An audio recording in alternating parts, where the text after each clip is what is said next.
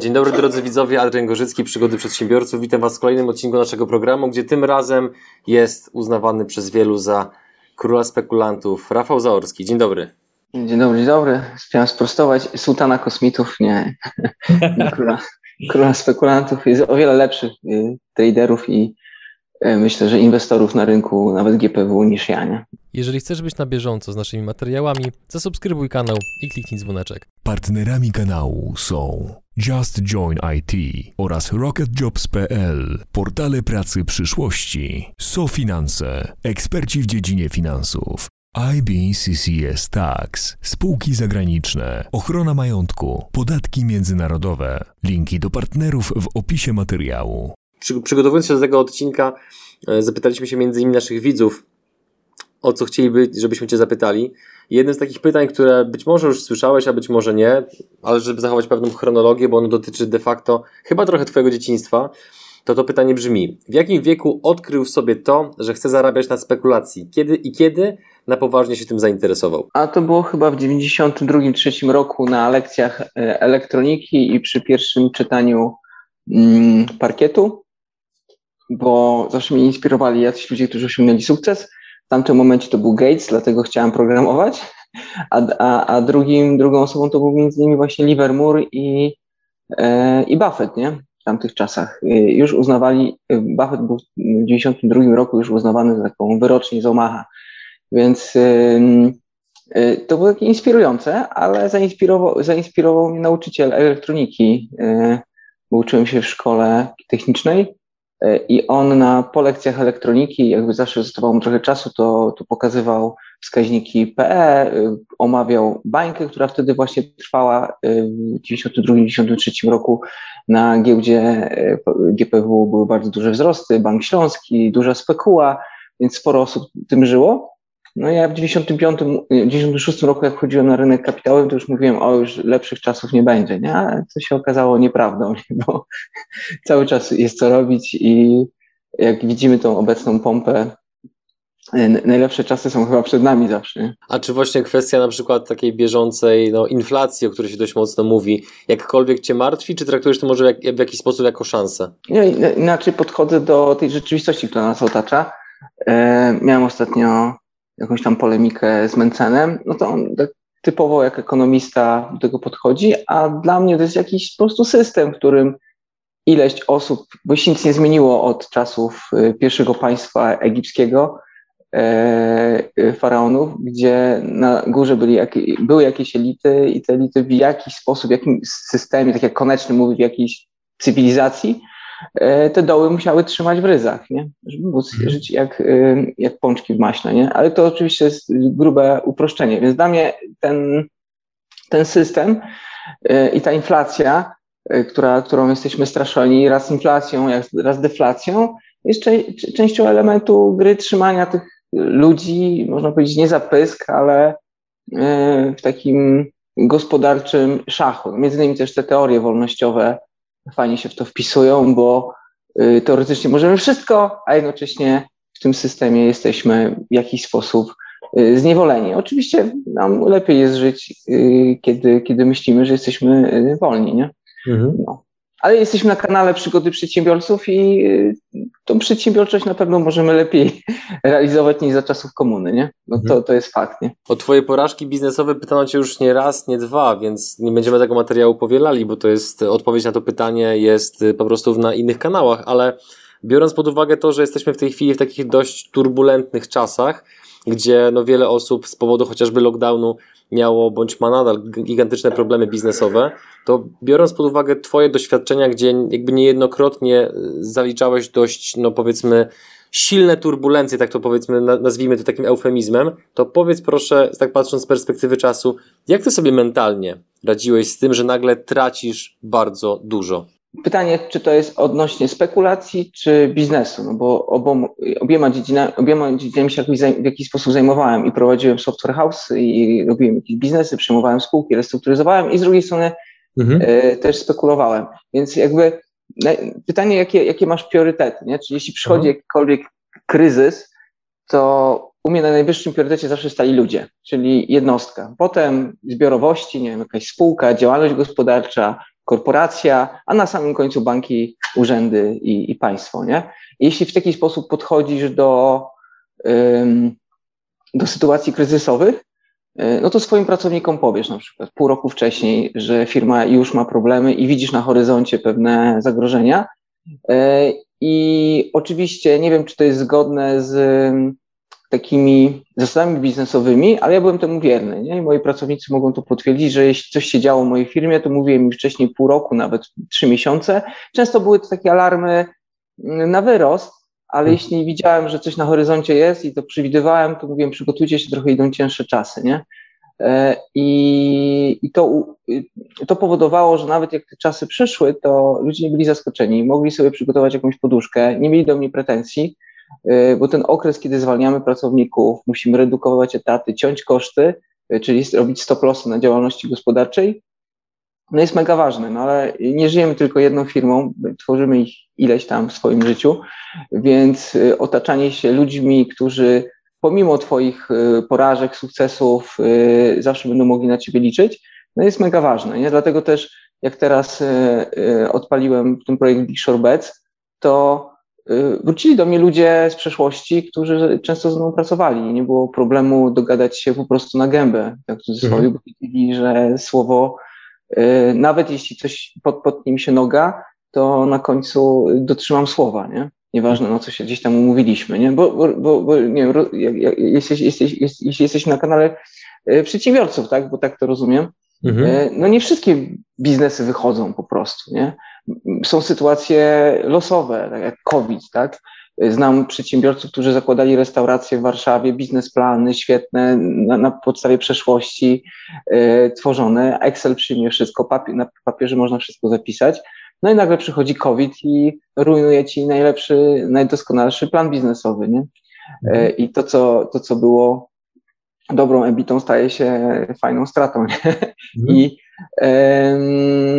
i na, na, tak trzeba na to patrzeć, nie? Więc... A powiedz proszę, jaki, jaki rodzaj myślenia e, taki klasyczny przedsiębiorca może zaadaptować z pożytkiem dla swojego biznesu, z, ze strategii działań takiego właśnie doświadczonego spekulanta, jakim ty jesteś. Czy, jest, czy są jakieś takie elementy w sposobie postępowania jako spekulant, które właśnie przełożone na biznes mogą dać zaskakująco dobre rezultaty? Nie wiem, chyba cięcie strat, ale to każdy biznesmen ci powie, nie? że jeśli biznes ci się nie spina, to im szybciej zrestrukturyzujesz go i potniesz straty, podejmiesz ciężkie decyzje, E, tym łatwiej ci później będzie, nie? Czyli jeśli będziesz dokładał do biznesu, nie zmienisz modelu ekonomicznego, nie dostosujesz się do sytuacji, nie będziesz w jakiś sposób przewidywał przyszłości, o, znany przykład Kodaka, nie? który mhm. E, pierwszy wymyślił, pierwszy wprowadził na rynek aparat cyfrowy, a potem ta technologia ich wykończyła. Jeżeli cały czas w świecie chemikaliów e, i starego sposobu robienia, robienia zdjęć, wywołania klisz, E, a przegapili ten moment zmiany cywilizacyjnej albo zmiany technologicznej, no, technologicznej przyzwyczajeń konsumenta. I jeśli y, przedsiębiorca tego nie wyłapie, no to będzie dokładał do strat, będzie gridował w takim rozumieniu spekulacyjnym. E, czyli następuje jakiś moment, kiedy rynek się kończy, przyzwyczajenia konsumentów się zmieniają, i musimy sobie zdawać z tego sprawę i nie tkwić w przeszłości, że wtedy zarobiliśmy parę milionów, były fajne zyski, klienci walili drzwiami i oknami. Musimy zmienić model tak? i dostosować się do rzeczywistości. Im szybciej e, to będzie, e, to nastąpi, tym, tym lepiej. Tak samo spekulant nie powinien zbyt długo e, trzymać strat. Ostatnio na przykład miałem taką sytuację, polowałem na spadki na Nasdaqu, i miałem na to przewidziane 2-3 tygodnie max. Skończył się ten czas. Nie było wydarzeń ani pod y, dane o inflacji, ani pod Fed, ani pod koniec kwartału, więc musiałem odpuścić, nie? Czyli pieniędzy jest tyle na rynku, że pchają indeksy technologiczne w kosmos.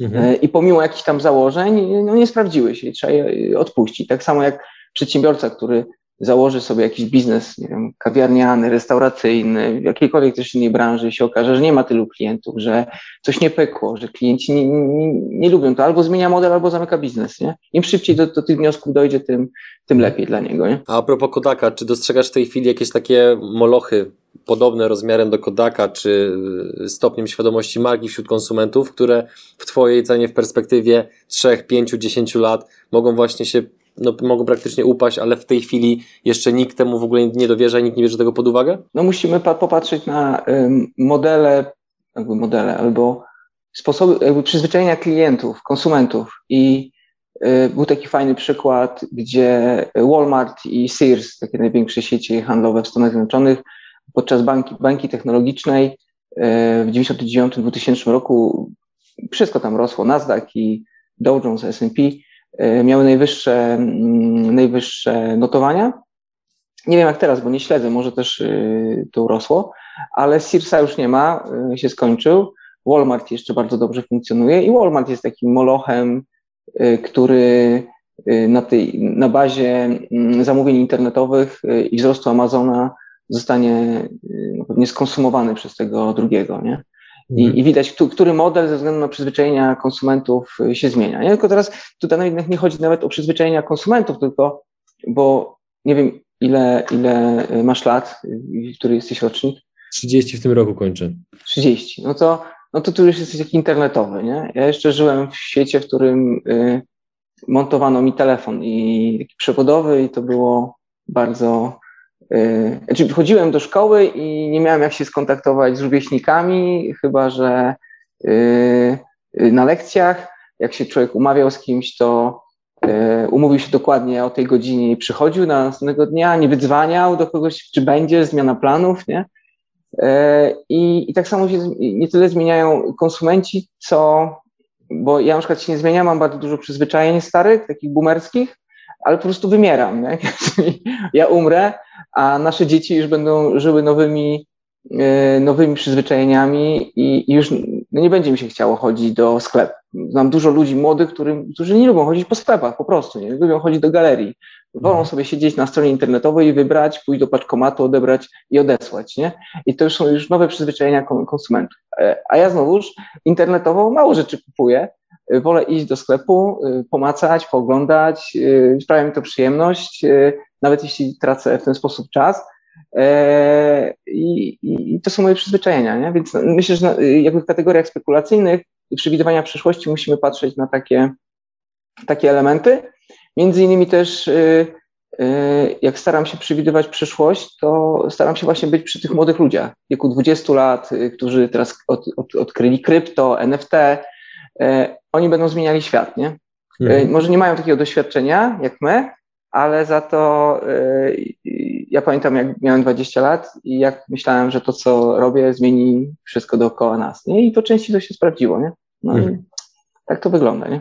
To, to, ale, to... ale, się rozwinąłem, nie wiem. I ba bardzo dobrze, lepiej w tę stronę, bo dzięki temu e, generujesz wątki automatycznie do kolejnych pytań z racji tego, że jesteś spekulantem, no to tematyka błędów poznawczych jest Ci prawdopodobnie absolutnie znana, no bo to, to są często takie um, mankamenty w naszej psychice, które nas potem prowadzą na manowce podczas podejmowania różnych decyzji i biznesowych, i inwestycyjnych. Więc teraz pytanie, czy jako spekulant wykształciłeś jakkolwiek w sobie pewne metody postępowania, które w pewien sposób chronią Cię od oddziaływania błędów poznawczych? Y, nie, myślę, że to jest w nas budowane, implementowane jakby genetycznie i nawet jeśli jestem w stanie wejść w taki mm, taki sposób myślenia na rynku do tradingu krótkoterminowego, y, to po jakimś czasie, jak odejdę od rynku po 3-4 miesiącach, to widzę, że te wszystkie nawyki wracają. I to są takie podstawowe nawyki. Y, I takie, można powiedzieć, że głupie, znaczy głupie, z punktu widzenia ewolucyjnego, tak jak rozumiemy ewolucję, ewolucja nie promuje naj, y, najlepsze gatunki, tylko najlepiej, najlepsze, najlepiej dostosowane. Czyli jeśli dostosowanie y, będziemy żyć w jaskini i wzrok nam nie będzie potrzebny, to najlepszym dostosowaniem będzie bycie ślepym, tak? Bo dlatego zwierzęta żyjące w jaskiniach y, tracą wzrok. Dlatego też y, jakby ta nasza ewolucja była nastawiona na przetrwanie i tak jak mm, może taki skrót myślowy można uczynić, bo oczywiście naukowcy by to wyjaśnili lepiej niż ja, ale myślę, że ewolucja promowała naszych przodków, którzy byli zawzięci i potrafili przeżyć w skrajnych warunkach. I my jako y, ludzki gatunek y, to udowodniliśmy. Jesteśmy, myślę, że naj, naj, największym drapieżnikiem na, na, na, na świecie i bezkonkurencyjnym, ale w związku z tym mamy genetycznie uwarunkowania, które powstrzymują nas przed cięciem strat. Często się zapieramy, potrafimy wytrzymać najgorsze sytuacje. W spekulacji jest to y, dużym błędem, bo jeśli zajmiemy jakąś pozycję i ona przynosi nam straty, to typowym dla gatunku ludzkiego jest, że te straty wytrzymam, dołożę, będę bronił jak Westerplatte i tak dalej.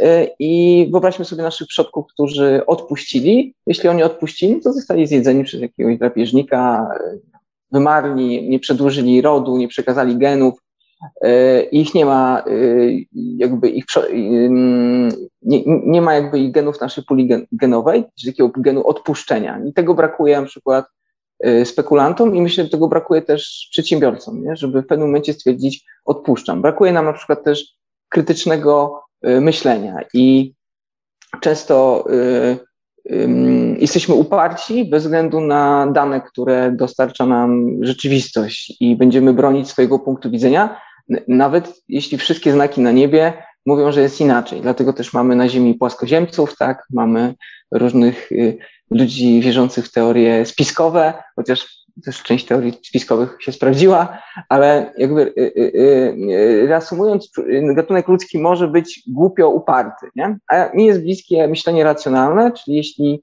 jakby poznanie prawdy, czyli jeśli na przykład w tej rozmowie naszej ktoś w komentarzach powiedział, o Zaorski powiedział głupotę e, i tutaj jest na przykład link do Wikipedii albo do badań, to pomimo naturalnego takiego szoku, który każdy z nas doznaje i chce bronić swoich racji, to chcę sprawdzić to, nie? I jeśli sprawdzę te dane i wycofam się z błędnego założenia, to nabywam nową wiedzę, nie? I to mhm. jest tak zwane poszukiwanie prawdy. Czyli dla mnie priorytetem jest poszukiwanie prawdy. I jak miałem 10 lat, pewnie gadałem dużo bzdur, jak miałem 20, może trochę mniej, jak 30 jeszcze mniej, ale nadal wiem, tak jak Sokrates mówił, że nic nie wiem. Tak? To, jest, to jest nasza, moja podstawa mojego myślenia. I dzięki temu, jak mi zarzucisz jakiś błąd logiczny, nie wiem, mhm. y, jakieś niesprawdzone dane, to ja się nie obrażę, będę ci wdzięczny za to. Nie? I mhm.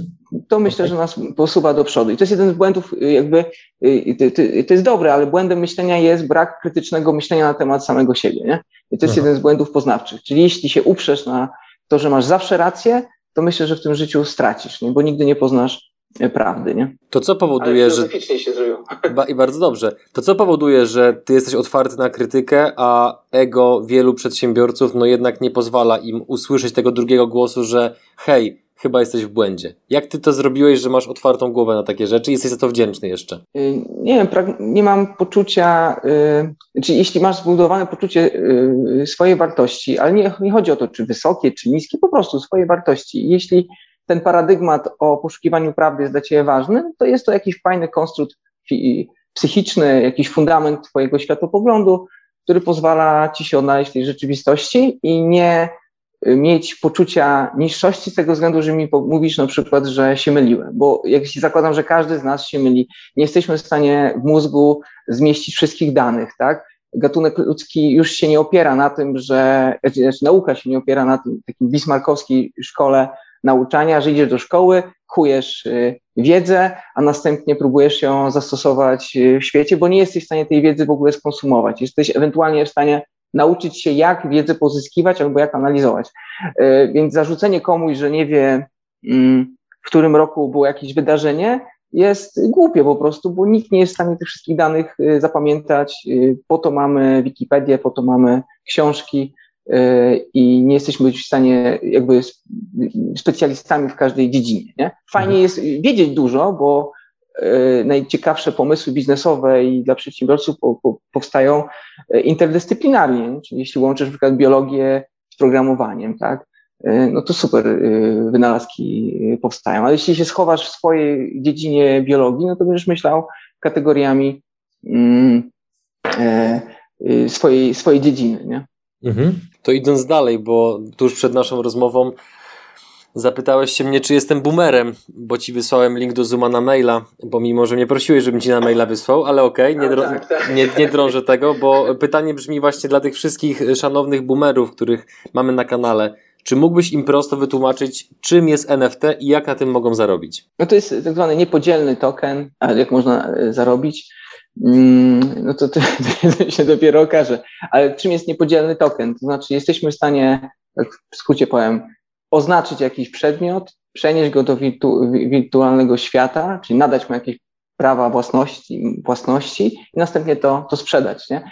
Takim NFT-kiem może być też muzyka, czyli jakaś niematerialna rzecz, o, można powiedzieć, nie? tak jak logo, grafika, coś zapisanego cyfrowo, które z naszego punktu widzenia nie występuje w świecie fizycznym, a jest tylko jakimś zbiorem kodu e, heksadecymalnego, e, e, jakby przełożenia grafiki na, na, na bitmapę, tak?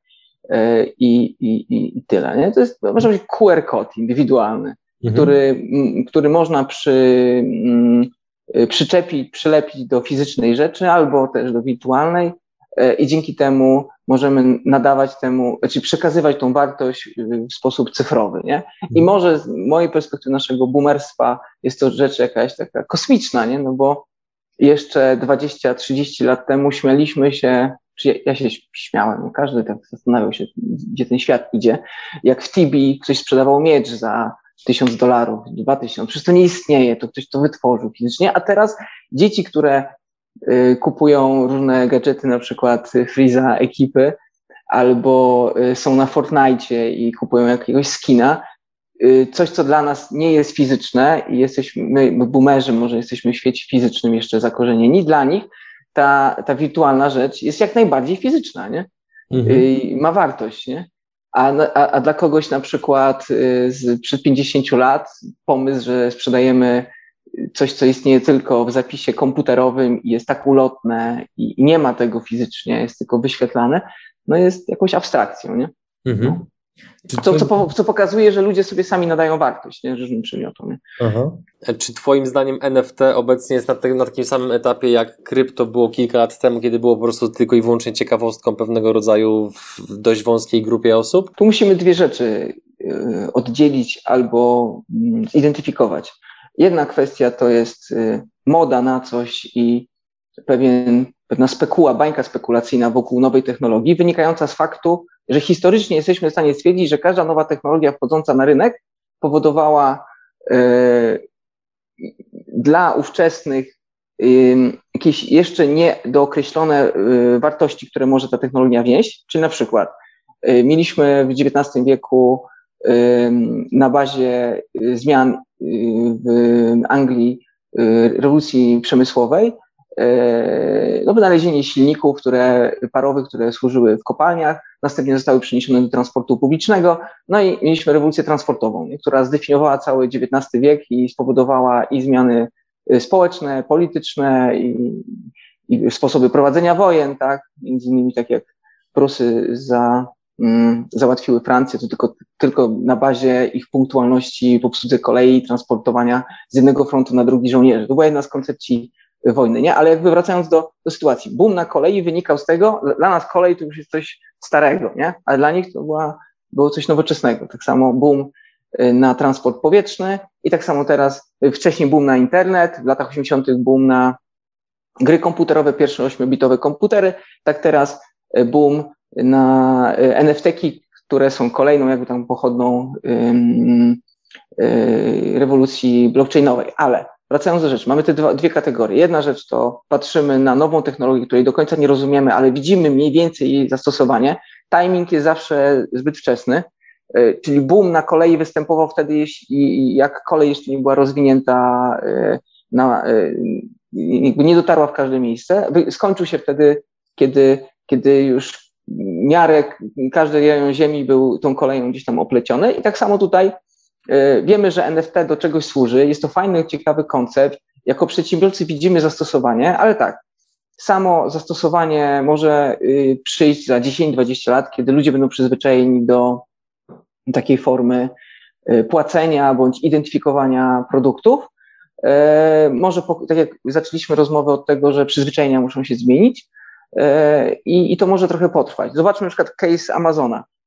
Powstał tam w 1996 roku, był warty 100 dolarów w 2000 roku, potem cena spadła do 2001 roku do 90%, tak? Tam gdzieś około 10-15 dolarów strzela, mogę się mylić, możecie poprawić w komentarzach.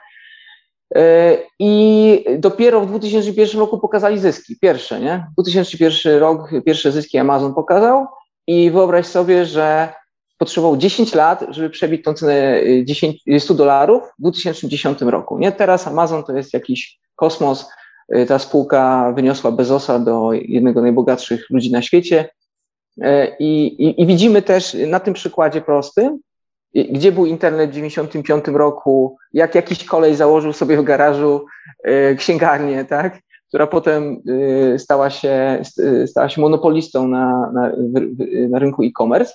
I tak samo jakby działa to w NFT-kach. Jesteśmy na tym etapie 95-96 roku w NFT, Y, nie wiemy, jaki Google do tego powstanie, nie wiemy, jakie firmy, do, jak, jak przedsiębiorcy stworzą modele biznesowe. O, na przykład w 1996 roku, jak powstawał internet, nie było czegoś jak CPI, CPM, to te, te, te, te y, y, jakby te wyrażenia dopiero powstawały, branża sobie je tworzyła, żeby łatwiej można było policzyć, ile taka reklama na przykład z Google'a jest warta. I tak samo tutaj. Nie jesteśmy w stanie stwierdzić, na ile ten NFT będzie przydatny do rzeczywistości, na ile jakby konkretnie, ale jesteśmy w stanie stwierdzić, że będzie przydatny, nie?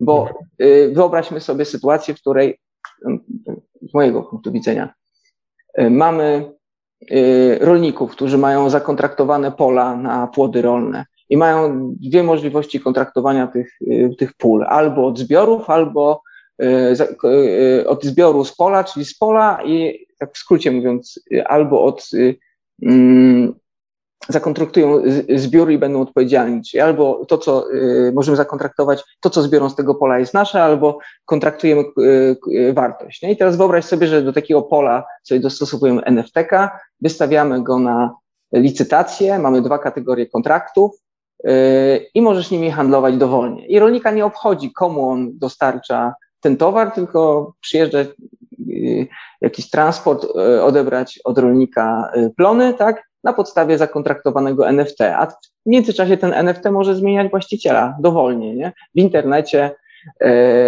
w sposób zdecentralizowany i to ma wartość. I, i co, co eliminują NFT-ki w ogóle cały blockchain, w tej sytuacji XXI wieku? Trzeciej strony, counterparty, czyli zaufania. Do tej pory takimi instytucjami zaufania były banki, maklerzy, brokerzy, pośrednicy, notariusze, e, prawnicy. Zobacz, że w te zawody musiał być wpisany element zaufania, kary, obostrzenia, czyli on był obarczony błędem ludzkim. I blockchain to eliminuje. Tam nie ma błędu ludzkiego. Jeśli się z kimś umówiłeś, podpisałeś z nim smart contract, E, cała sieć na to patrzy, cała sieć głosuje i sprawdza i przechowuje informacje o Twoim kontrakcie. Eliminujesz błąd ludzki, czyli błąd nieuczciwego notariusza, brokera, pośrednika. E, I, I to jest ta wartość, którą ta technologia wnosi. I teraz pytanie, jakie firmy powstaną, w jaki sposób to wykorzystają i co się, co się dookoła tego stanie. I mamy już przy, przypadki takie pierwsze, które działają, nie wiem, całe protokoły RC20, Ethereum, na których można zbudować smart kontrakty, które przekazują wartość, dostarczają, rozliczają tą wartość y, i, i są w jakiś sposób nie, nie, niepodważalne. I, i, I, to jest ta identyfikowalna wartość, którą przedsiębiorcy tworzący biznes NFT bądź y, mm, blockchainowy y, identyfikują i na tej bazie starają się tworzyć przedsiębiorstwa. Nie? Czyli to jest ta potrzeba, nie? Czyli warto się zainteresować tą branżą, czy nie?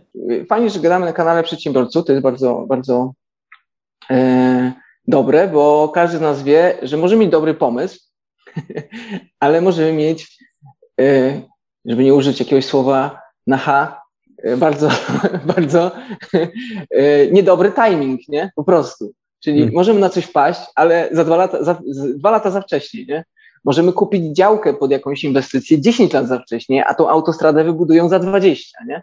I mhm. to jest nam jako przedsiębiorcom bliskie. I, I, nie dość, że musimy mieć rację, to musimy trafić też w timing. I, y, y, I to, na czym my spekulanci bazujemy, możemy tworzyć analogie z przeszłości wynikające z konstrukcji pewnych rewolucji naukowych, tak jak pisał Kuhn o, o tym, w jaki sposób się tworzą rewolucje naukowe i techniczne. I możemy jakby te same schematy mm, śledzić. Tak jak wspomniałem o rewolucji na kolejach, rewolucji internetowej, pierwszych mikroprocesorów, bo te sytuacje się powtarzają, nie? Ale timing jest mniej więcej mm, podobny, bo wynika z wymiany pokoleniowej, czyli tam 20 mhm. lat i y, nas już nie będzie, a nasze dzieci już z tej technologii będą y, korzystać i będą jeszcze nas pukać, nie wiem, mówią, tato, kup mi ten miecz w NFT, bo jest tyle, tyle warty, a dla nas to będzie jakaś głupota, tak jak dla mojego, moich rodziców była głupota, że się loguje do jakiegoś internetu i na IRC-u i na pierwszych usenetowych grupach z kimś gada, nie? Mhm. Po co? Bo przecież jest telefon, nie? Po co ogóle z tego korzystać, nie? Musisz się logować, dzwaniać 022, przecież tyle zachodu, musi być komputer, nie? Takie wiesz, robienie, robienie historii. I właśnie ten timing jest najważniejszy. Pytanie, czy timing na NFT jest? No i tak, nie ma gospodarki NFT, nie ma jakichś takich y, modeli CPI, CPM, sposobów monetyzacji y, albo modeli biznesowych y, dla NFT. One się tworzą. No, powstają na przykład takie startupy, które NFT-ki do muzyki robią. On na przykład taki fajny pomysł widziałem ostatnio, że kupujesz płytę, płyta jest 10 tysięcy płyt, te płyty mają swoje NFT, jesteś właścicielem tego NFT, czy możesz go mieć na portfelu, możesz pójść na koncert, dostać lepsze VIP-owskie miejsca, wiesz, wiąże z tym jakieś benefity, które możesz Y, sprzedawać, nie? Jeśli są ograniczone do jakiejś puli, no to automatycznie możemy stworzyć do, dookoła tego wartość, nie? I tak należy do tego, myślę, że podchodzić, ale tak jak mówię, nie ma modeli.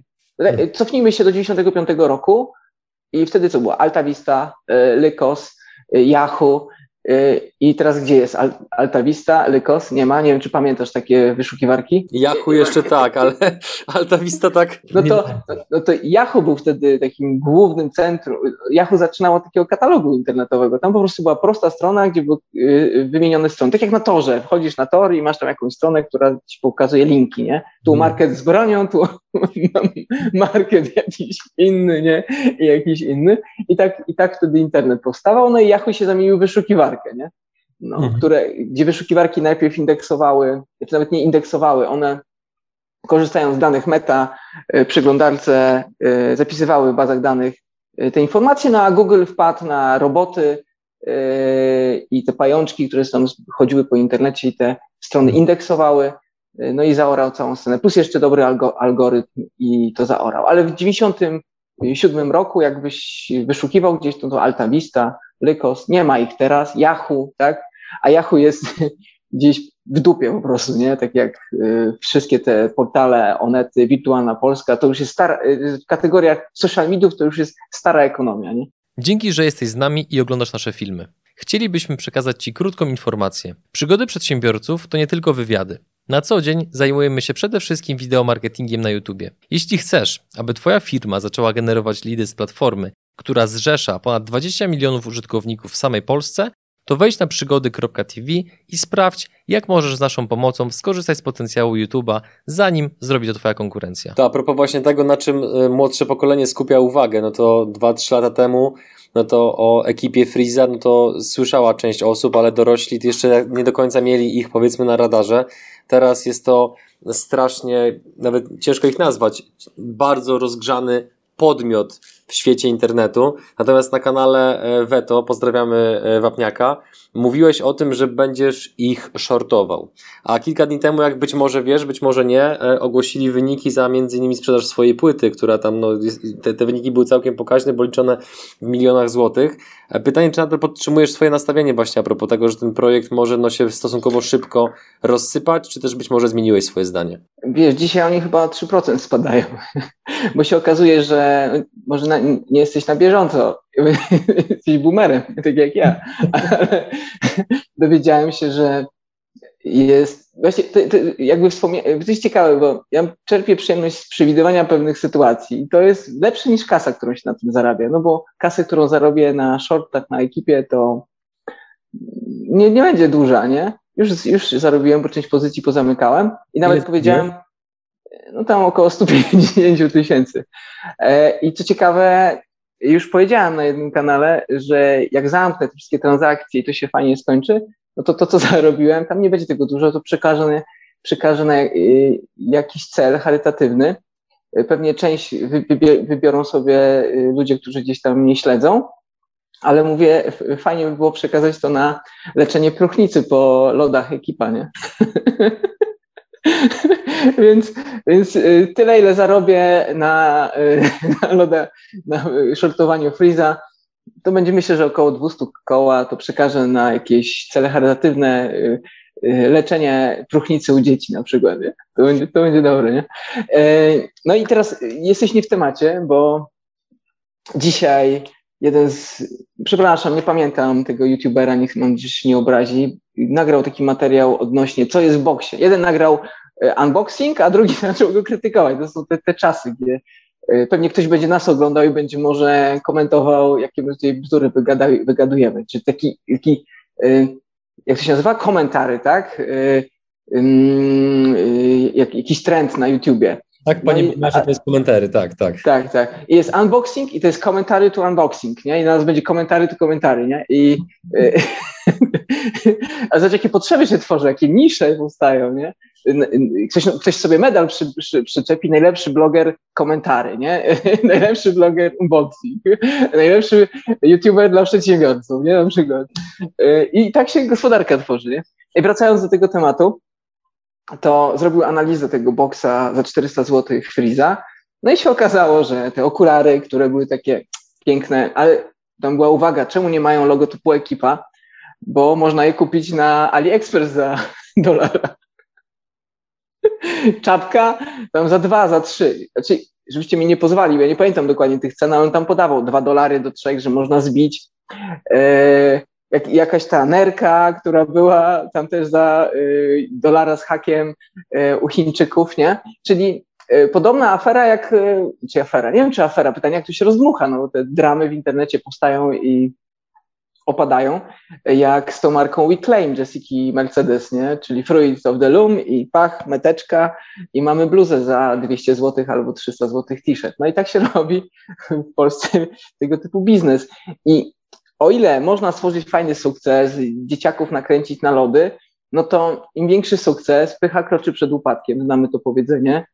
Panowie zaczynają sobie podkładać nawzajem nogi, bo się okazało, nawet jakieś plotki chodzą, że Donatan, Donatan nagrał im płytę, ale miał w to wybite i dał im cenę zaporową. Oni tą cenę przyjęli. Teraz te plotki gdzieś tam krążą w internecie. Z, z, z, mojego punktu widzenia, jako przedsiębiorcy, patrząc na to, jakie decyzje podejmują, one zaczynają być dziwne, nie? O ile te decyzje były podejmowane w domu, youtubersko, były fajne, to teraz. Yy, o, o, przykład. Zrobili, ro, yy, zrobili takie nagranie, gdzie Y, pokazali, jak rozdają swoim pracownikom y, y, akcje. Nie wiem, czy widziałeś, słyszałeś. Nie? I teraz tak. Jak do tego podejdzie publika? Publika podejdzie, wow, rozdają akcje, super. I oni sami też myślą, że to jest dobra informacja. A jak podejdzie do tego inwestor? inwestor popatrzy na to, trzeba spojebało ludzie. Tworzycie nam podaż. Druga rzecz, pokazaliście, ile tych ludzi tam jest. Tam na payrollu chyba było 60 osób, nie? Tam jest bardzo dużo, duża ekipa. I teraz, y, co się nam uruchamia jako spekulantom, inwestorom, którzy czytają między wierszami, nie? I coś, czego zwykli ludzie, i dzieciaki, które się nabierają, znaczy nabierają, no wierzą w ekipę, to jest fajny mód, oglądają ich, kupują lody, są zakochani. No też byliśmy fanami jakichś zespołów. Y, ja byłem Atari 65 XE przeciwko Commodore 64, tak? Y, ludzie lubią się zrzeszać wokół jakiejś idei. No i Fritz wchodzi na pole spekulantów, przedsiębiorców i inwestorów giełdowych, no i komunikując się w ten sam sposób, ten, ten, ten, ten sam sposób, który komunikuje się do dzieciaków, tam przegrywa. Czyli do dzieciaków wygrywa, a do, do nas przegrywa, bo pokazał, ile osób ma do wykarmienia, pokazał, że słabość, bo musi im jakoś wynagrodzić to, że z tego talerza dostają, yy, można powiedzieć, okruchy, no bo Y, przy takiej dużej ekipie okazuje się, że no wujek Łuki i Christo ściągają najwięcej z tego talerza, no a reszta jest aktorami, nie? I czego przykładem były na przykład abstrahuje, jak rozbu rozbuchały swój budżet, w jaki sposób płynęły na popularności do dzieciaków i jak ta popularność szybko minęła, kiedy trochę chłopaki się zestarzali, nie? No bo każdy z nas się w pewnym momencie starzeje i już gimnazjalistki, gimnazjaliści e, no nie czują się z nami związani, nie? A w tym czasie rodzi się nowa gwiazda, która ma 17 lat, 16 lat, e, widząc Freeza jest jeszcze bardziej e, nakręcona, może w łatwy sposób skopiować te same modele, tak? I pracować dłużej, ciężej i, i, i być bardziej fresh, nie? I jakby wracając do sytuacji, pokazali słabość e, i pokazali to, że ten model zaczyna się gdzieś trzeszczyć, że to nie jest taki fajny monolit i to, o czym mówimy, czyli to, ile lodów się sprzedało, to, ile preorderów się sprzedało, to już jest przeszłość, nie? my to wiemy, to już jest w cenach. Nie? E, e, rynek przewiduje na pół roku do przodu, może rok temu, więc to, co się stało na BBA Invest, jest prawdopodobnie już w cenach. To, co teraz się mhm. wydarzy. Nie? Kupuj plotki, sprzedawaj fakty. Nie? My przedsiębiorcy, bo jesteśmy na kanale przedsiębiorców, też powinniśmy to wiedzieć. No, kupujemy jakąś działkę, bo myślimy, że autostrada tam może będzie gdzieś tam lecieć, albo inaczej kupujemy działkę, bo liczymy na to, że gmina nam zmieni plan zagospodarowania i zmieni z rolniczej na inwestycyjną albo budowlaną, tak? I mhm. Ja się nie znam na nieruchomościach, więc tak. A widzisz jakikolwiek scenariusz a propos ekipy, że może im się udać e, rozbujać jakby cały ten właśnie swoją działalność do jeszcze większej skali, żeby to przede wszystkim było stabilne, czy raczej takiego scenariusza nie bierzesz do, pod uwagę? Dobra, no to teraz y, jakby przeanalizujmy y, skalę. Czy jaki jakby skalę, gdzie można to dopchać? Czy jakieś dzieciaki nie słyszały o ekipie? Wątpliwe. Czy jacyś dorośli nie słyszeli o ekipie? Wątpliwe. Czy jeśli ci ludzie, którzy słyszeli y, w obliczu tych faktów, jacy oni są zajebiści, ile oni sprzedają, y, nie przekonali się do tej pory, czy się przekonają, jak, co musieliby zrobić? Nie wiem, na Marsa polecieć, na Księżyc wystrzelić. No to jest właśnie ten myślenie spekulacyjne, co się może wydarzyć dalej, nie? No wyobraź sobie, że wiem, ekipa tworzy, nie wiem, serial, może jakiś film, musieliby zmienić jakiś na większy model biznesowy, nie? Co mogą jeszcze sprzedawać? No nie wiem. Bilety do kina, nie wiem. No, co mogą sprzedać? Kolejne lody, samochody, yy, szko szkolenia, konsultacje płatne, zrobienia YouTube. No już Freeze wypuścił, no to już poleciały po nim hejty, nie? Im większy sukces, tym więcej hejtu będzie. Też popatrzmy na Pola Logana, nie? który był w Stanach. Y, on teraz chyba walczy w MMA, tak. E, co on dalej robi? No nie wiem, stworzył jakąś supermarkę. No, o nie wiem, udaje się na przykład. Dr. Dre stworzył Beats na przykład, nie? I sprzedał to. I też sprytnym modelem biznesowym, gdzie tym swoim znajomym dawał po prostu te słuchawki, wszyscy te bitsy nosiły, podpompował cenę i się okazało, że fakt, jest grupa konsumentów, która uważa, że cena jest adekwatna i jeszcze marka jest adekwatna i wszyscy fajni ludzie to mają, więc łatwo to podbić. Nie? No i teraz pytanie, ile przestrzeni ma jeszcze ekipa Freeza, a po drugiej stronie, ile ma zagrożeń, nie? Mhm. No wyobraźmy sobie, nie? Ter, teraz na tym największym hypie, przy największej wycenie ładujesz, nie? Czyli na, na szczycie bańki nieruchomości mówisz, kupię tutaj sobie nieruchomość, nie? No i pytanie, czy ty jako przedsiębiorca byś to zrobił, nie? Czy raczej starałbyś się szukać okazji? Nawet, o, jak mówimy tu pewnie się pojawiali u ciebie jacyś flipowcy, nie? Różnego rodzaju, albo specy od szkoleń do flipów. Teraz chyba tylko udaje mi się szkolenia sprzedawać, bo jest bardzo ciężko zdobyć yy, zasypiony, zasypioną nieruchomość, którą można slipować, nie? Mi się mhm. wydaje, nie? A propos przewidywania przyszłości, powiedz mi, czy e, tak jak powiedzmy w zeszłym roku sporo osób, o czym pewnie wiesz, zarabiało różne pieniądze, ale też je traciło na handlu maseczkami, rękawiczkami i innymi ty, ty, tego typu sprzętem medycznym, to czy e, obstawiasz kolejny lockdown na jesieni, a jeżeli tak, to jak twoim zdaniem na nim można by było zarobić? Chcia, chciałbym to wiedzieć, nie? bo politycy nas zaskakują i raczej mamy stan permanentnego lockdownu, y, idzie segregacja medyczna, czyli już nie rasowa, to, bo to przerabialiśmy 100 lat temu. Teraz będzie segregacja medyczna na zaszczepionych, niezaszczepionych. Pewnie szczepiłeś się? Jeszcze nie.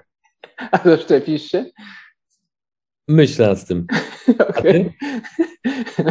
Powiedzmy, że myślę nad tym. Znaczy, ja wiem, że, że nie chciałbym, nie? Ale będzie naprawdę dziwna sytuacja, jak będę musiał taką opaskę nosić, tak jak 100 lat temu też pewna nacja nosiła i być wytykanym na ulicy, że nie chciałem się zaszczepić. Dziwne czasy są, nie? Mhm. Albo, że my nie zaszczepieni będziemy musieli się ukrywać, albo e, ci zaszczepieni będą nas ukrywać w piwnicach przed eksterminacją. Tego się boję. Na różne rzeczy mo mo mogą się wydarzyć. I, jeszcze dwa lata temu, jakbyśmy gadali, co może się wydarzyć w marcu, to byś powiedział, pomyślał o covid -zie? No nie, nie. To jest to tak, tak jak Taleb pisze o czarnych łabędziach, to jest przykład klasycznego czarnego łabędzia, tylko widzisz, te działania, które są dookoła, one uważam nie bez powodu y, nakładają się na tą wojnę, y, zimną wojnę y, chińsko-amerykańską i która będzie się eskalować. Nie? Już hmm. myślę, że mamy zimną wojnę. To widać w logistyce, w tych łańcuchach dostaw. W tej chwili państwa starego świata, czy może starego świata, no, Zachodu drukują na potęgę, ile się da, kosztem mhm. całego innego świata. Musimy mieć świadomość, my okradamy cały świat. Nie?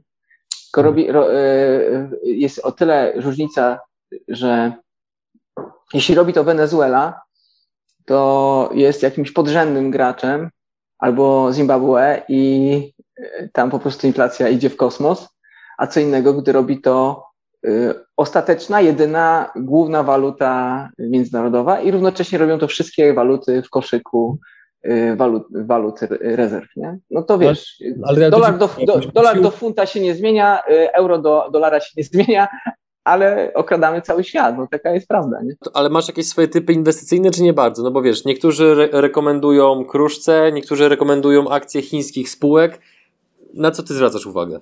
Ja, ja myślę, że to dojdzie do jakiegoś uwolnienia i zgadzam się z Berym i że to jest tylko pierdolnie, nie? Tylko, że baza może być dużo wyższa. O, przykład. Mamy Argentynę, mamy indeks Merwala, nie? O Argentynie, jak ktoś kogokolwiek spytasz, to powiesz, o, fajna, fajna, fajne państwo w latach 30., mogły nawet Stany przegonić, nie? gospodarka silna, zaczęły się rządy socjalistów, a potem już lata 90. to, to, to jest katastrofa, same kryzysy, nie? No ale jakbyś się spytał przeciwnego człowieka, jakby tak wprowadził go do Argentyny, to jak myślisz, jaką wartość ma indeks Merwala, nie? jak on rósł, nie? No indeks, indeks Merwala jest mierzony lokalną walutą, już nie pamiętam jakie tam peso mają, chyba argentyńskie i jest na all time high od 20 lat po prostu wchodzi na coraz wyższe poziomy, nie? No i to jest może odpowiedź, bo my się przyzwyczajamy do tych pieniędzy, ale jeśli wszystko jest mierzone dolarem i psutymi walutami, no to każdy, kto kupi nieruchomość, y, nawet zabytkowe auto, dobry zegarek, który trzyma wartość, y, to nie straci, nie? No. Mhm. Tak jak y, nasz dziadek przed wojną trzymając złoto, na pewno miałby większą wartość niż y, polskie złotówki, nie? Sprzed wojny, nie? Albo nawet marki niemieckie, nie? A kupujesz złoto? Y, nie, nie, nie. Dlaczego? Mam jednego kolegę, Jakuba Mościckiego, który on, on po prostu chyba wszystko ładuje w złoto nie? i mhm. zakupuje w ogródku. Też jeszcze mógłbyś nam wskazać ogródek koniecznie. Ale czemu ty nie kupujesz złota? Bo umrę w pewnym momencie i tego nie zabiorę. Ja nie wiem, po co mi to jest potrzebne, do czego. Nie? Jakby w pewnym, w pewnym momencie dochodzisz do takiego wniosku, że i tak twoje życie się kończy. Y, to też przestroga dla przedsiębiorców. Y, ludzie bogaci nie są zapamiętywani historycznie. Jakby, jakby wziąć statystyki, no to jest parę wyjątków. Y, Rothschild, tak, ten Musa z Afryki, który był najbogatszym człowiekiem. My we współczesnej bańce takiej informacyjnej zapamiętamy Gatesa, Buffetta, tak? Ale mhm. czy pamiętasz na przykład, kto był najbogatszy w latach 70., 60., Onassisa na przykład? No nie, no jakby nikt tego nie pamięta, nie? Jakby oni są ważni tu i teraz, bo świecą, błyszczą, bling bling, kasa, ale potem umierają w zapomnieniu, nie? A kto przechodzi do mm, historii? Politycy, zdobywcy, wielcy przegrani, yy, naukowcy przede wszystkim, yy, ludzie od literatury, sztuki, którzy inspirują, Mhm. Ja bym wolał być takim Sokratesem, który zostanie zapamiętany za 5000 lat, niż jakimś tam kolejnym bogatym fiutem y, ze starożytności, nie? No bo to nic nie zmienia i tak umrzesz, nie? Sorry, że mówię to do przedsiębiorców, ale... Nie mam problemu. Też powiem wam, powiem ci tak, żeby prowadzić biznes, ale to też wkurzycie się na mnie. Ja mam takie twierdzenie, inteligencja przeszkadza, nie? I to bardzo. Bo jeśli zaczynasz zastanawiać się nad jakimi wyższymi aspektami, to, to okazuje się, że możesz żyć skromnie, nie potrzebujesz tego wszystkiego dookoła siebie, nie? E, jest to zbędne. Oczywiście pieniądze pomagają żyć, ale jednocześnie no, nie jest to takie kluczowe w twoim życiu, nie? Przeczytasz mhm. dobrą książkę, porozmawiasz o filozofii, e, wyjedziesz na jakiegoś tripa bez e, jakichś nie wiadomo jakich udogodnień i, i, i żyjesz i tak umrzesz, nie? No. Mhm. To przejdźmy do, do, do kolejnego pytania, bo to, to trochę zahacza w sumie o śmierć, to pytanie. Jest to pytanie od jednego z widzów. Mam pytanie o Big Shots Bets. Czy ma obawy, że jego narzędzie będzie wykorzystywane do złych celów? Oraz czy nie boi się odwiedzin seryjnego samobójcy e, w związku z tym, jakie potencjalne daje to możliwości? E, no wiesz, Big Short Bets jest oparty na sieci Tor. Możesz się logować tam przez portfel kryptowalutowy. Właśnie przechodzimy do wersji stable i Androidowa wersja będzie robiła. Przetestowaliśmy sandboxa, działa perfekcyjnie. Czyli jakbym, jakbyś teraz na przykład y, jakieś informacje poufne na temat y, Jasia Kapeli puścił albo Cezarego Grafa, to nawet nie, nie wiedziałby, kto, kto to napisał. Nie dałoby się tego namierzyć kompletnie. Ja bym nie był w stanie tego namierzyć, bo jest to zdecentralizowane, nie? Jest to bardzo niebezpieczne narzędzie, opowiem tak, nie? Mhm. No. I, i, I no, tych seryjnych samobójców, no, mógłbym się obawiać, nie? No, ale i tak umrę, nie? Więc teraz, później.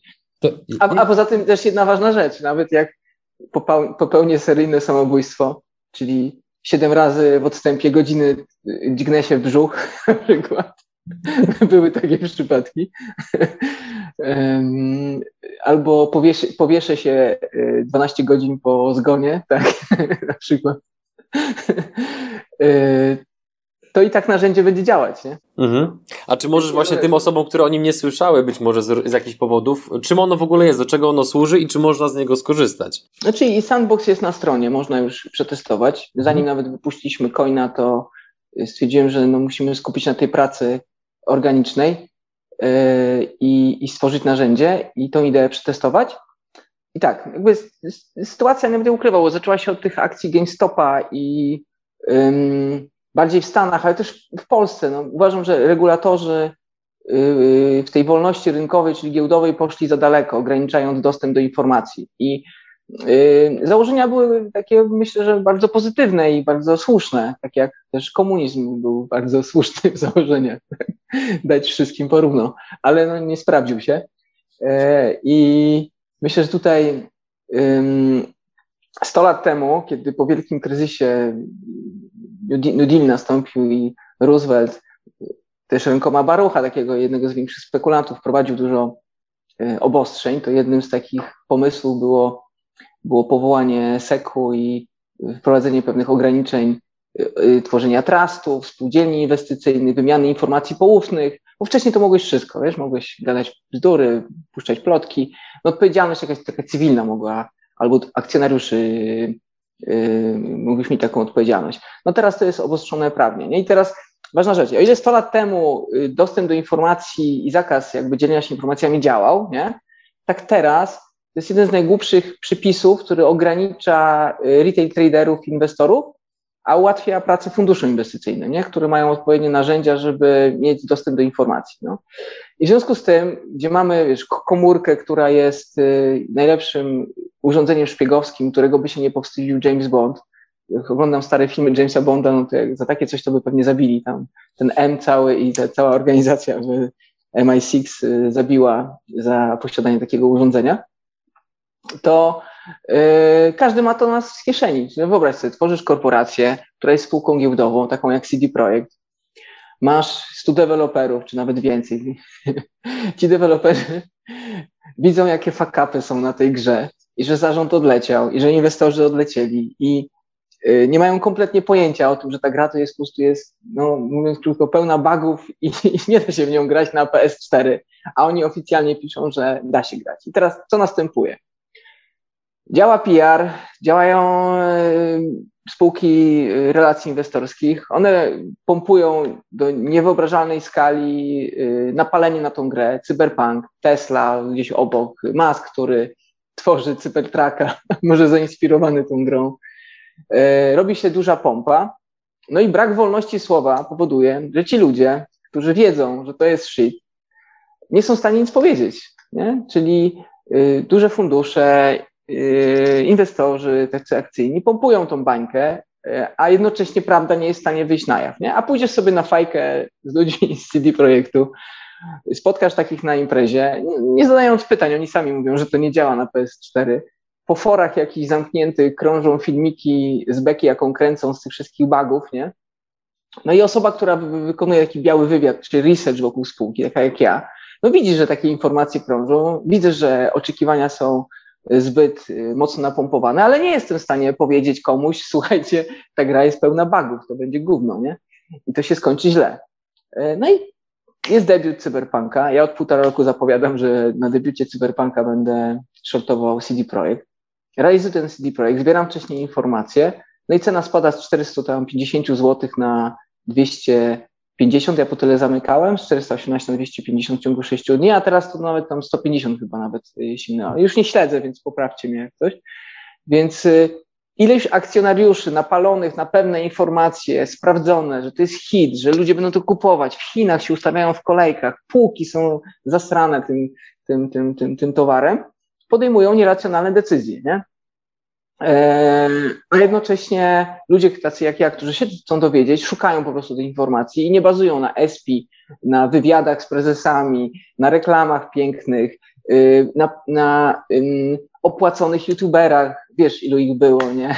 nie? Ile osób dostało kasę, żeby przetestować sobie zamkniętą betę, którą musieli odpalać na komputerach o wybranej y, specyfikacji, bo oni już wiedzieli, że to nie pójdzie na innych, nie?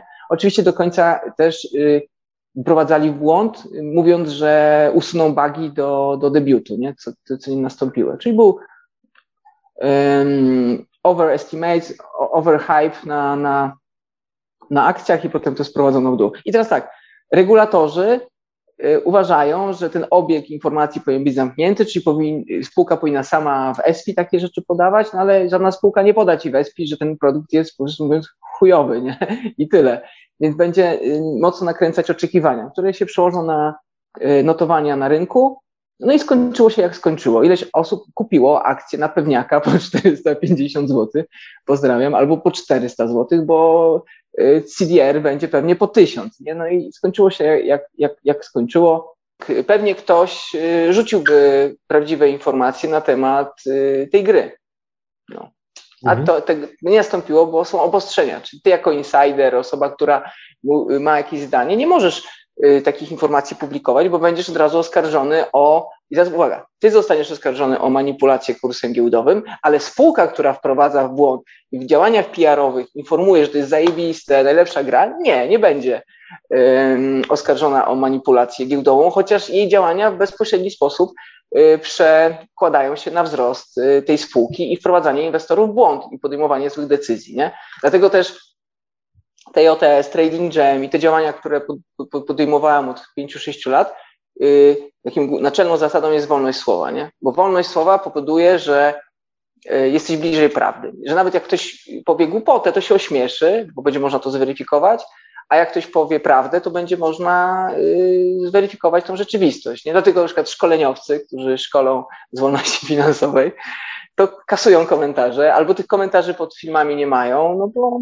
no boją się, że ludzie powiedzą prawdę. Nie? To, czyli twoje narzędzie, które stworzyliście, jest narzędziem, które umożliwia mówienie prawdy bez konsekwencji prawnych. Nie, znaczy ono nie zostało stworzone w tym celu. Ono stworzyło w celu powiem tak, poprawnie politycznie powiem oczywiście. Poprosimy. Nadrzędną wartością każdego człowieka jest wolność, wolność osobista, nie? I możemy ją różnie rozpatrywać, nie? Jak arystotelejsko, czyli wolność od, y, znaczy antyteza niewolnictwa, czyli to, że jesteśmy wolni, możemy podejmować, czyli nie jesteśmy niewolnikami, albo heglowsko, wolność do czegoś, czyli mogę coś robić, albo od czegoś, czyli od jakichś negatywnych konsekwencji.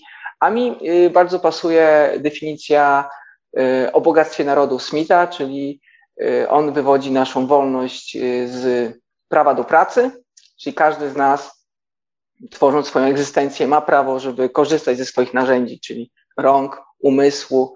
To, to jest nasz kapitał, z którym się rodzimy, tak? nasze ciało i, i czas, którym dysponujemy przez całe życie. I w związku z tym nikt nie powinien ograniczać nam tej naszej wolności, i to dlatego podkreślam to na kanale przedsiębiorców, do pracowania, do pracy, tak? Czyli, a dlaczego do, nikt nie powinien nam mm, y, przeszkadzać, tak, y, tak Smith wywodzi, nie? Y, o bogactwie narodu. Dlaczego nikt nie powinien ograniczać nam wolności do pracy? Bo to jest podstawowa nasza wolność. Bo nasza praca przedsiębiorców, twoja praca powoduje, że jesteś, żyje nam się lepiej, nie? Czyli nie, nie możemy ograniczać ludzi do tego, żeby poprawiali swój stan bycia, jakby stan własności, bycia, y, o, komfortu życia, tak? Czyli każdy z nas, to mhm. jest podstawowa wolność, mamy prawo do tego, żeby ten swój komfort życia podnosić. A warunkiem podnoszenia tego komfortu pracy to nie jest loteria, tak? To to lotek, wygranie to to lotka, ale dla większości ludzi na świecie praca, po prostu yy, praca, nie? I, I, dlatego to mówię na kanale yy, Przygody Przedsiębiorców, bo ta definicja Smitha powinna być nam bliska i mniej filozoficzna niż inne, mhm.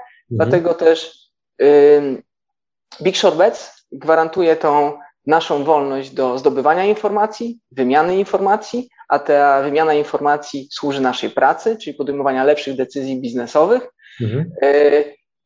Jeśli tworzysz jakąś firmę, no to oczywiście zbierasz informacje na temat konkurencji, na temat produktu, na temat przyzwyczajeń konsumentów. Jeśli ktoś by ci to ograniczył, byłbyś strasznie wkurwiony, nie? A tak jest w tej chwili na rynku akcyjnym, że ty nie możesz tych informacji być może gromadzić, nie możesz y, wymieniać się między ludźmi, którzy mogą na ten temat rozmawiać. No i uważam, że to ogranicza naszą wolność, bo podejmujemy wtedy niewłaściwe decyzje, a powinniśmy być wolni w na przykład zbieraniu informacji na temat CD Projekt i na temat ich słabej jakości produktu, żeby podjąć y, prawidłową decyzję, by podnieść swój komfort y, życia, tak jak mówił Smith, i korzystać ze swoich podstawowych wolności.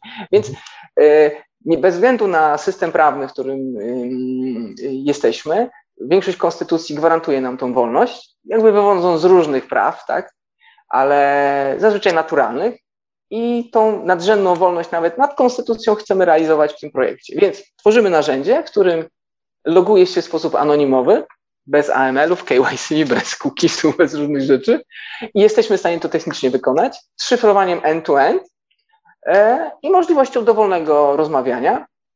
I nas jako twórców tego noża nikt nie może oskarżyć e, że ktoś go używa w jakimś innym, a nie innym celu, bo my nie wiemy, w jakim celu, celu mhm. ktoś to użyje. Polecamy, żeby to był cel zgodny z prawem, yy, korzystający np. z białego wywiadu, wynikający z naszych wolności, nie? A, i jeszcze podstawowa, jedna rzecz uważam jest bardzo ważna jakby w obecnych czasach. Uważam, że każdy człowiek ma też prawo do bycia anonimowym, nie? Czyli posiada pewną wo wolność do dysponowania swoją własnością w postaci danych osobowych, gdzie mieszka, co robi, jak ma na nazwisko, y, kim jest jego dziewczyna, żona, nie wiem, dzieci. Y, I nieważne w jakim celu, tak? Być może czuje się dzięki temu bezpiecznie i w ten sposób też powinien realizować swoją, swoją wolność, tak? Więc jakby wyszliśmy znowu filozoficznie, ale ogólnie to jest narzędzie, które ma nam zapewnić wolność wyrażania swoich opinii ponad krępujące nas i uważam bezsensowne przepisy. Dlaczego tak uważam? Ponieważ y, regulatorzy, którzy jeszcze 100 lat temu byli w stanie te, bo mówię, w koncepcji te przepisy są dobre, nie? bo chronią małych inwestorów, ale 100 lat później, kiedy mamy internet, mamy y, społeczeństwo informacyjne, rewolucję cyfrową, y, ukrycie jakiejkolwiek informacji jest totalnie niemożliwe ci ludzie i tak będą się tą informacją wymieniać. A karanie już za to, że ktoś tymi informacjami rozmawia, że na przykład my w tej chwili byśmy rozmawiali na temat spółki o na przykład Columbus, yy, która prawdopodobnie może mieć jakieś problemy wynikające z, z, przepisów i z braku dotacji do paneli, i jakby sposobu magazynowania, który się zmienia. Jakby mówię ogólnie, żeby już nikt nie zbytnio tam nie, nie posądził o jakieś niecne y, cele. Y, I to, co się dzieje na przykład na forum bankiera, o, to jest wolność, ale też dlatego, że tych ludzi nie da się teoretycznie namierzyć, chociaż się da, nie? A w naszym narzędziu będziesz mógł być anonimowy, a jednocześnie na podstawie portfela, który będzie identyfikowalny, ale tylko identyfikowalny w adresie tego portfela, będziesz mógł w stanie takiej osobie nadać e, rating na przykład, nie? Mhm. Czego nie jesteś w stanie zrobić swoim użytkownikom, którzy komentują cię na YouTubie, ani tym ludziom na bankierze. Ale znowuż na Allegro ludzie, przedsiębiorcy, my, tak, tutaj mówię też o oglądających Twój kanał, są przyzwyczajeni do tego, że y, konsumenci Cię oceniają. I tak samo tutaj będzie. Tylko, że zachowamy i anonimowość, i będzie można dostawcę różnych informacji ocenić. Nie trochę utopijny pomysł, ale co ciekawe, na sandboxie wyszło, że do realizacji i proof of concept przeszedł y, próbę czasu. Nie? To link do Big, Big Shot Bets oczywiście jest w opisie filmu, natomiast zakładam, że część osób mogła sobie pomyśleć, kiedy mówiłeś o CD Projekcie, Rafał, to ile zarobiłeś na tym CD Projekcie? To jest tajemnica, czy możesz się tym podzielić? No, krążą tam legendy. To która z nich jest prawdziwa? Niektórzy twierdzą, że 14 i 6 zer, nie? Ale nie będę Okej, okay, to tym miłym akcentem tutaj postawmy kropkę w naszej rozmowie. E, jeden, trade, jeden trade płaci za wszystko. e, Rafał, bardzo... Półtora, półtora roku, jest to, jest najfajniejsze.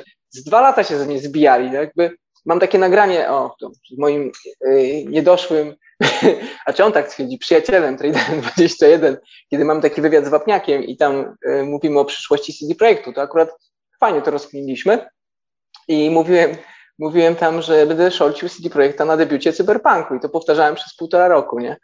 Ja, się, ja mam z tego większą satysfakcję niż z kasy, którą się na tym zarobiłem. Absolutnie, jakby nie dziwię się, wierzę. Rafał, bardzo Ci dziękuję za e, szalenie ciekawą rozmowę. Wydaje mi się, że moglibyśmy jeszcze rozmawiać z godziny albo dwie, bo pytań, które były przygotowane było znacznie więcej, natomiast Twoja lekkość wypowiedzi sprawiła, że e, no, ciężko było wszystkie je zadać, więc mam nadzieję, że nagramy wkrótce e, kolejny odcinek, a tymczasem po prostu dzięki za rozmowę i do zobaczenia. W ale ten y, z Jasiem Kapelą, czy... Chciałbyś? Czekaj, ja, ja, ja, ja bym chciał z tym. O, bo właśnie, bo mi mówiłeś. E, bo Jaś Kapela to jest taki polityczny. Ja bym chciał z Jasiem Kapelą e, sceny ekonomicznej, czyli Cezarem Grafem, bo dla mnie to jest taki Jaś Kapela sceny Czyli, czyli rozumiem, że mamy od ciebie zielone światło, żeby zorganizować debatę między tobą a panem Cezarem Grafem. Tak, tak, czyli ja, Jasiem Kapelą polskiej sceny yy, doradców. Nie wiem, jak go nazwać, bo on jest doradcą czy konsultantem ekonomicznym. Drodzy widzowie, dajcie, dajcie znać, w komentarzach, komentarzach czy chcecie tej debaty. debaty e, będzie więcej komentarzy. Ale dobra, a o czym miała być debata, na przykład z swojej perspektywy? E, wiesz co, nie pokuszę się teraz wskazania tematów, bo to jest na tyle, uważam, istotne przedsięwzięcie, że, że do tego trzeba podejść bardzo delikatnie, więc teraz ja dyplomatycznie z tego wyjdę, że wrócimy do, do tematu, Rafał, pewnie w miarę szybko. Ten, on będzie tak krzyczał, jak na wszystkich swoich nagraniach. Bo ja obawiam się, że będę się śmiał z tego po prostu. A czekaj, ja, ja mam inny pomysł ale ciekawe, czy to wytniesz. Ja powiem, ja, ja, u niego wykupię konsultacje i w tych konsultacjach zapytam go, e, jak tak, jak, jak, jak tak się wydzierać w taki profesjonalny sposób. To takie emocjonalne to jest, tak wiesz. Ludzi 6 e, dolar po 6 złotych. Wszystko jednie. A na dole link do konsultacji, nie? Możesz to puścić. Dobrze, Rafał. Dobrze. Dziękuję Ci za szalenie ciekawy odcinek. Będziemy się odzywali a propos debaty z e, panem Grafem i myślę, że będzie ciekawy dla wszystkich. Żegnamy się z widzami. Dzięki za rozmowę i przyjemnego dnia Ci życzę. Do zobaczenia. Hej.